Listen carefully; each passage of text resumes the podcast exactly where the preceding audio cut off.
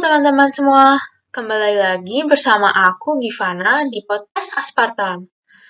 Sudah lama nih kita tidak bertemu. Nah, kira-kira di episode ini kita bakal bahas apa aja ya? Jadinya, kita hari ini akan membahas tentang penyakit neurologis atau saraf. Seperti yang kita ketahui, sistem persarafan ini sangat penting dalam mengontrol gerakan tubuh, pikiran, maupun ingatan kita loh. Dan salah satu penyakit yang mempengaruhi bagian tubuh ini adalah penyakit Alzheimer atau Alzheimer's disease. Penyakit ini merupakan kondisi di mana terjadinya penurunan dari fungsi otak yang dapat mempengaruhi ingatan, keterampilan dalam berpikir dan berbicara, dan juga terdapatnya perubahan psikologis pada pengidapnya. Untuk membahas lebih dalam lagi tentang topik ini, hari ini kita ada kedatangan tamu spesial, yaitu Profesor Dr. Dr. Yuda Turana Spesialis Saraf. Selamat pagi, Prof. Bagaimana kabarnya? Ya, uh, selamat pagi, uh, Gimana? Selamat pagi uh, semuanya. Semoga dalam keadaan sehat ya, baik-baik semua ya. Baik, kabarnya baik ya, Prof. Ya, um, baik, sehat. Makasih, Gimana. Ya, sebelum memulai, apakah Profesor bisa memperkenalkan diri sendiri secara singkat terlebih dahulu agar para pendengar podcast Aspartam bisa lebih kenal lagi nih? Oh ya, makasih Givana. Uh, saya hari-hari uh, perkenalkan dulu saya Yuda Turana, hari-hari uh, bekerja sebagai staf pendidik ya di Fakultas Kedokteran dan Ilmu Kesehatan Unika Atmajaya di Departemen uh, Neurologi. Uh, itu mungkin perkenalan singkat dari saya, Ivana. Baik, terima kasih untuk perkenalan dirinya, Prof. Mungkin untuk sekarang kita dapat memasuki ke dalam topiknya untuk hari ini ya, yaitu penyakit Alzheimer. Karena profesor sendiri mungkin sudah familiar dengan penyakit ini, saya akan langsung menanyakan beberapa pertanyaan yang terkait, terkait dengan Alzheimer ini ya. Sebelumnya, apakah Profesor mungkin dapat menjelaskan sedikit tentang apa itu penyakit Alzheimer pada para pendengar agar lebih mengerti lagi tentang topik yang dibicarakan hari ini? Ya, terima kasih uh, Givana dan terima kasih juga sebelumnya sudah diundang di podcast ini. Karena kebetulan kalau kita bicara bulan September, ini sebenarnya Alzheimer Alzheimer gitu ya bulan eh, kita memperingati uh, Alzheimer gitu ya. Nah, kenapa Alzheimer itu uh, apa menjadi uh, kepedulian bersama begitu ya? Karena ada beberapa hal. Uh, satu, kita tahu semua bahwa penyakit Alzheimer ini sering kali uh, mengenai para lanjut usia. Dan saat kita bicara lanjut usia, bukan bicara tentang mereka, tetapi bicara tentang kita juga gitu ya eh, saya, Gimana maupun semua yang mungkin join di podcast ini, eh, semua akan menjadi tua. Dan saat menjadi tua, resiko terkena penyakit Alzheimer itu semakin uh, besar, gitu ya. Itu yang pertama. Kemudian yang kedua, uh, uh, siapa pun kan kita akan menjadi tua. Tadi saya sampaikan, penuaan itu kita nggak bisa stop, tetapi kita tentu bisa memperlambat uh, proses penuaan tadi, ya. Nah, kalau kita bicara penyakit Alzheimer, mungkin secara sederhana, saya sering katakan bahwa uh, satu penyakit yang mempercepat proses penuaan di otak, ya. Jadi artinya uh, penuaan itu memang terjadi, tetapi dengan adanya penyakit Alzheimer, uh, otak menua lebih cepat dari seharusnya. Uh, artinya uh, secara struktur akan mengerut dan mengecil begitu ya. Tetapi bukan hanya secara struktur, tetapi secara fungsi juga akan menurun gitu ya. Nah, fungsi otak yang menurun apa? Ya, fungsi otak kan fungsi salah satunya adalah fungsi berpikir, fungsi mengingat gitu. Nah, pada penyakit Alzheimer salah satu hal yang menurun yang paling signifikan adalah penurunan fungsi kognitif ini, fungsi memori ini. Eh, mungkin itu uh, gambaran uh, mengenai penyakit Alzheimer, Ivana. Baik, terima kasih untuk jawabannya, Prof. Jadinya untuk penyakit Alzheimer ini adalah penyakit uh, dengan proses penuaan yang cepat, di mana terjadinya penurunan pada fungsi otak, terutama fungsi kognitif ya, Prof. Ya, betul. Ya, dan saya ingin bertanya lagi nih, Prof. Kira-kira seberapa parahkah penyakit ini? Apakah dapat menyebabkan kematian pada pengidapnya? Ya, eh, tentu penyakit uh, Alzheimer ini uh, bukan penyakit yang sifatnya uh, akut ya, yang langsung menyebabkan kematian, gitu ya. Uh, tetapi uh, penyakit Alzheimer ini dampaknya sangat besar, gitu ya bukan hanya dampak bicara kesehatan ya, dampak morbiditas ataupun mortalitas saja, tetapi juga dampak sosial dan ekonominya gitu ya. Kemudian saat kita bicara uh, penyakit uh, Alzheimer gitu ya, uh, juga uh, bicara bukan hanya victim atau pasiennya hanya pasien sebagai individu, tetapi juga victimnya adalah keluarganya ya, khususnya adalah uh, caregivernya gitu ya.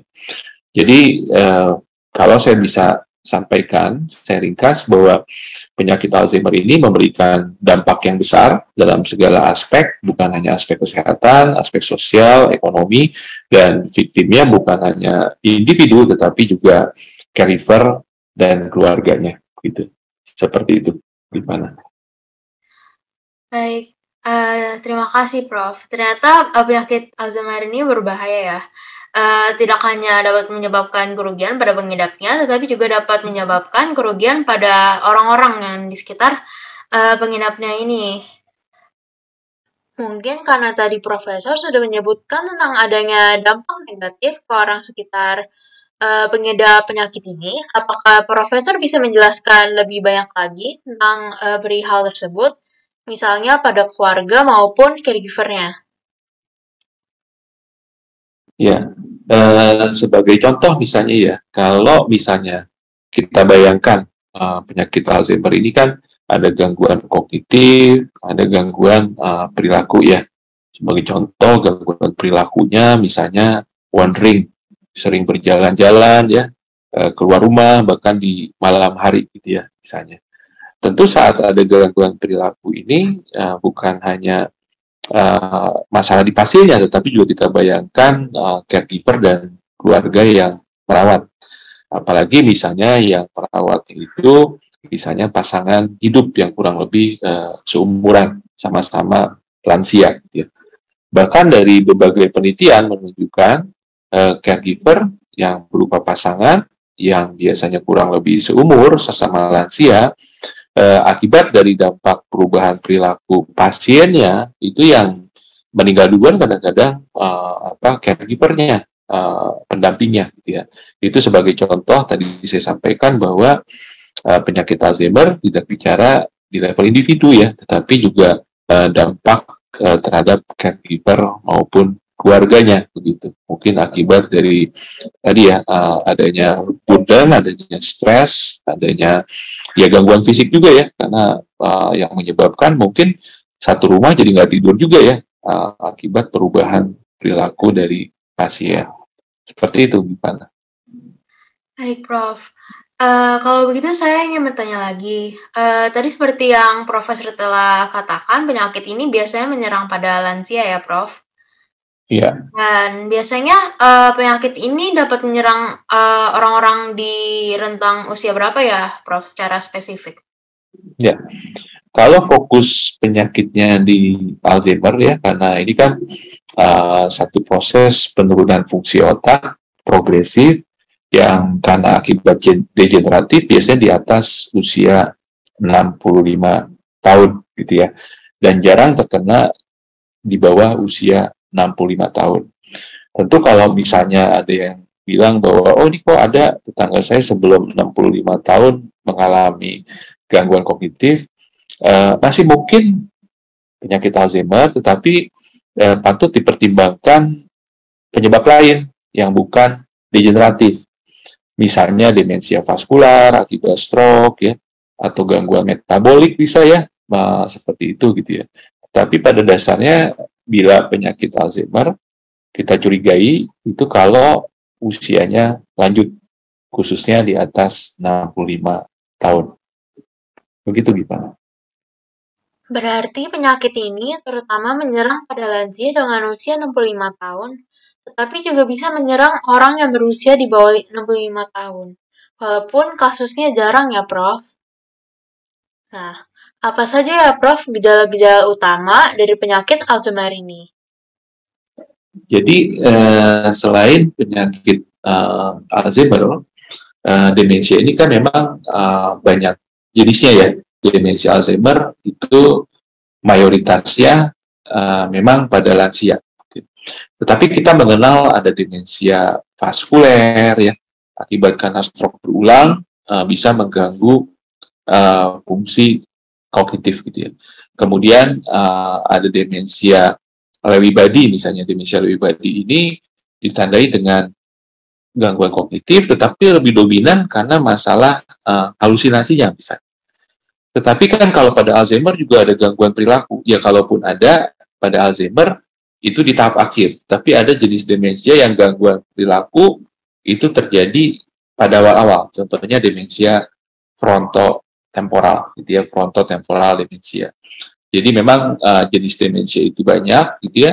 Uh, tetapi yang paling banyak adalah uh, demensia Alzheimer, gitu ya. Dan karena salah satu faktor resikonya adalah usia lanjut begitu ya, ini menjadi faktor resiko pada banyak orang gitu ya. Jadi eh, karena hal itu mungkin yang menyebabkan eh, orang sangat aware dengan eh, penyakit Alzheimer itu karena mempunyai faktor resiko yang dimiliki oleh setiap orang yaitu usia yang menua. Begitu gimana? Jadinya gejalanya tadi uh, terutama ada penurunan fungsi kognitif dan juga demensia ya dok. Uh, ya, ya Jadi uh, gejala gejala dari uh, demensia memang yang utama adalah gangguan kognitif ya, yang yang progresif begitu ya. Uh, tetapi seiring dengan perjalanan waktu ya, seiring dengan otak yang makin mengerut dan mengecil gitu ya, uh, tentu penurunan fungsi otak ini bukan sebatas hanya kognitif, tetapi juga penurunan fungsi motorik ya, uh, yang apa berjalan jadi lebih pelan begitu ya. Kemudian uh, keterampilan untuk uh, gerakan motorik halus ya itu berkurang mungkin juga pada keadaannya yang yang berat uh, gangguan fungsi menelan juga bisa menurun misalnya tetapi juga uh, seiring dengan otak menurun bisa aja terjadi gangguan sensorik ya. Uh, apa uh, persepsi pendengaran, persepsi penglihatan berkurang, ataupun uh, gangguan fungsi otonom ya, uh, kesulitan buang air besar, atau bahkan kebalikannya, susah mengontrol buang air besar. Kesulitan buang air kecil, atau bahkan kebalikannya, susah mengontrol misalnya buang air kecil. Jadi uh, berbagai fungsi otak pada ujung akhirnya semua terganggu pada kasus demensia. Seperti itu. Berarti selain uh, terdapatnya penurunan fungsi kognitif, juga terdapat penurunan fungsi motorik, uh, sensorik. Uh, intinya ada terdapat uh, penurunan fungsi otak ya, Prof. Uh, Benar, kalau, Ya. Kalau begitu karena tadi Profesor sudah menyebutkan kalau uh, untuk faktor risiko utamanya adalah usia, apakah terdapat faktor risiko lainnya untuk penyakit Alzheimer ini? Ya, kalau kita bicara uh, faktor resiko, tentu kita bagi dua secara umum. Faktor resiko yang bisa dimodifikasi, faktor resiko yang tidak bisa dimodifikasi. Faktor resiko yang tidak bisa dimodifikasi, misalnya usia. Siapa pun kita, kalau usia makin tua, uh, resiko uh, Alzheimer meningkat. Gender, Eh, laki dan perempuan ternyata pada perempuan itu lebih uh, berisiko ya genetik gitu, meskipun uh, bukan uh, mayoritas di masalah genetik tetapi tetap pada orang yang dengan uh, Alzheimer uh, ada faktor resiko dari keturunannya juga terkena uh, Alzheimer ya. Nah, nah tapi kita akan fokus juga ke faktor yang bisa dimodifikasi ya. Yang bisa dimodifikasi contoh misalnya uh, dari berbagai studi yang evidence cukup kuat ya. Dari satu misalnya pendidikan formil yang rendah. Jadi kalau uh, apa, pendidikan otaknya rendah gitu ya atau otak tidak stimulasi uh, itu resiko Alzheimer-nya cukup besar. Kemudian uh, hipertensi ya kalau tensi yang tidak terkontrol itu faktor resiko demensia. Kemudian gula ya bukan hanya seorang diabetes ya diabetes faktor resiko tetapi kadar gula rata yang tinggi meskipun tidak diabetes itu sudah faktor resiko demensia begitu ya. Kemudian ketiga obesitas gitu ya dan uh, masuk di sana juga physical inactivity gitu ya uh, dipisah. Karena obesitas jelas faktor resiko tapi ada catatan physical inactivity jadi artinya nggak obes nggak kelebihan berat badan tetapi secara fisik malas bergerak itu pun uh, faktor resiko. Kemudian di sana ada alkohol cedera kepala itu juga faktor resiko gitu ya. Jadi uh, tentu saat kita bicara penyakit Alzheimer, penyakit yang yang sulit disembuhkan, ya, eh, memang kita harus fokus salah satunya kepada pencegahan. Pencegahan tentunya harus mengetahui faktor resikonya, gitu ya, terutama faktor resiko yang bisa dimodifikasi. Seperti itu, gimana? Baik, berarti tadi uh, faktor risiko lainnya selain usia ada jenis kelamin, juga ada genetik, dan juga ada hipertensi, kadar gula yang tinggi, dan juga obesitas. Nah, tentunya kita perlu menghindari penyakit ini. Dari profesor sendiri, apakah ada cara untuk mencegah penyakit ini? Misalnya dari usia yang muda, dan kalau ada, caranya bagaimana ya, Prof? Ya, secara sederhana, saya sering sampaikan, uh, memang betul kalau kita bicara penyakit Alzheimer, karena saat ini belum ada obat yang efektif, yang harus dilakukan kan dua. Satu, menghindari faktor resiko. Eh, kedua, memperbanyak faktor protektif. Ya. Tadi saya sudah sampaikan mengenai berbagai faktor resiko yang bisa dimodifikasi. Merokok, physical inactivity, obesitas, hipertensi, diabetes, ya. Tentu ada stres di sana, begitu ya, stres psikologis, gitu ya. Itu yang harus dihindari gitu ya. Kemudian ada yang disebut dengan faktor protektif. Nah, faktor protektif bukan dihindari tetapi harus diperbanyak. Nah, faktor protektif eh, misalnya stimulasi mental, stimulasi sosial, dan eh, tentu stimulasi secara fisik. Artinya apa? Secara fisik harus banyak bergerak, eh, secara mental ya uh, itu dengan berbagai kegiatan termasuk kegiatan uh, spiritual begitu ya uh, dan uh, tentu uh, faktor nutrisi juga penting ya uh, bahwa faktor nutrisi uh, itu banyak hal yang positif yang bisa kita lakukan uh, gizi seimbang sayuran banyak buah-buahan berwarna begitu ya itu sebagai contoh uh, faktor uh, protektif seperti itu. Jadinya, ternyata penyakit Alzheimer dapat dicegah dengan menghindari faktor risiko, misalnya seperti tidak merokok atau menghindari stres secara psikologis, dan juga meningkatkan faktor protektif, misalnya dengan melakukan kegiatan spiritual ataupun mengonsumsi nutrien yang baik. Hal begitu, selain pencegahan nih Prof, apakah terdapat pengobatan yang efektif untuk penyakit ini? Dan seberapa efektifkah uh, pengobatan ini? Iya, mengenai treatment saat sudah terkena penyakit Alzheimer. Nah, uh, saya sering sampaikan sebenarnya pendekatan treatment ini uh, satu dari sudut pasiennya, tetapi juga penting dari aspek intervensi lingkungan maupun intervensi caregiver atau keluarga ya. E, sebagai contoh misalnya, gangguan perilaku yang terjadi pada pasien belum tentu persoalannya internal dari pasien. Bisa saja misalnya karena faktor lingkungan, karena di rumah banyak cermin gitu ya, e, pasien mengeluh adanya halusinasi. Tentu pengobatan halusinasi di sini bukan soal memberikan obat anti halusinasi, tetapi ya sebaiknya intervensi lingkungan, cermin-cermin yang di rumah dikurangi.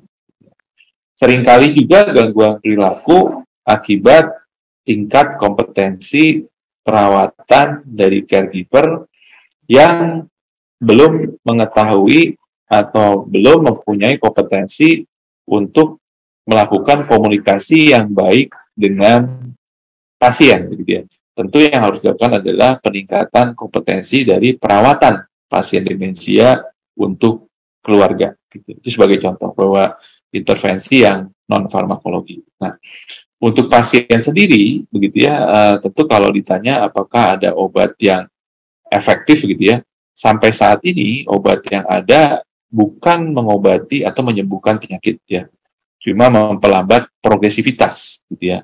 Jadi artinya tetap uh, fokus kepada uh, sekali lagi yang non farmakologi, memang pada uh, apa uh, pada gangguan kognitif beberapa obat yang sifatnya kognitif enhancer, meningkatkan fungsi kognitif dapat diberikan. Seperti misalnya sebagai contoh saja ada donepezil, ada memantin, eh, apa citicolin mungkin ya, meskipun evidence-nya belum cukup kuat, tetapi eh, mungkin bisa menjadi satu potensial treatment yang bisa diberikan. Tetapi kalau obat-obat antipsikotik, obat-obat untuk gangguan eh, perilaku, ya itu sebaiknya memang diberikan kalau memang sangat sangat perlu begitu ya. Artinya begini. Diberikan kalau uh, memang sangat-sangat perlu dan kalau sudah ada gangguan uh, perilaku yang sangat berat gitu ya. Uh, kalau seandainya pendekatan non farmakologi itu tidak memberikan eh, apa signifikansi hasil yang baik. Itu baru dicoba intervensi yang farmakologi yang sifatnya anti psikotik begitu ya ataupun untuk mengubah uh, perilaku tadi gitu ya. Tetapi sekali lagi kalau terpaksa diberikan kalau pasien sudah uh, mengalami satu agitasi yang cukup berat dan pemberian uh, terapi non pendekatan treatment non farmakologi belum memberikan uh, apa respon yang baik. Seperti itu gimana? Jadi untuk uh, pengobatan dapat dilakukan uh, cara non farmakologis, misalnya dengan intervensi lingkungan, uh, yang seharusnya lebih difokuskan ya, Prof. Uh, baru yeah. nanti apabila kondisi uh, lebih parah dapat dilakukan untuk obat-obat uh, farmakologis. Nah, mungkin sampai sini aja, Prof, untuk pertanyaan-pertanyaannya. Sebelum mengakhiri podcast ini, apakah Profesor dapat mengucapkan beberapa pesan untuk para pendengar Aspartam mengenai topik kali ini? Ya, uh, baik. Terima kasih, uh, Givana. Uh, mungkin yang pesan saya adalah menegaskan kembali uh, bahwa uh, salah satu faktor resiko utama daripada penyakit Alzheimer adalah proses penuaan. Ya. Dan uh, proses penuaan ini menjadi faktor resiko semua orang. Meskipun penyakit Alzheimer mengenai usia di atas 65 tahun atau usia lanjut, eh, tetapi tentunya proses pencegahan bukan dimulai saat kita usia lanjut, tetapi dimulai sedini mungkin, sejak kita usia muda. Karena terbukti bahwa berbagai faktor resiko, pola hidup yang tidak baik saat usia muda menjadi faktor resiko demensia di usia lanjut. Jadi pencegahannya adalah lakukan pola hidup yang baik dengan aktivitas fisik yang banyak, eh, nutrisi yang baik, dan hindari eh, stres dalam kehidupan sehari-hari. Mungkin itu yang bisa saya sampaikan. Terima kasih, Ivana. Baik, terima kasih banyak Prof untuk pesannya. Dan sebelumnya saya ingin memohon maaf apabila terdapat salah kata. Tentunya pembahasan tadi sangat bermanfaat untuk kita semua. Dan saya ingin mengucapkan terima kasih banyak kepada Profesor Yuda karena telah meluangkan waktunya untuk berbicara dengan saya dan membahas tentang penyakit Alzheimer. Kalau begitu, sampai sini saja untuk episode kali ini. Dan sampai jumpa di episode berikutnya. Jangan lupa untuk mengikuti podcast Aspartam di Spotify dan juga di Instagram ya. Terima kasih sudah mendengarkan podcast ini dan bye-bye.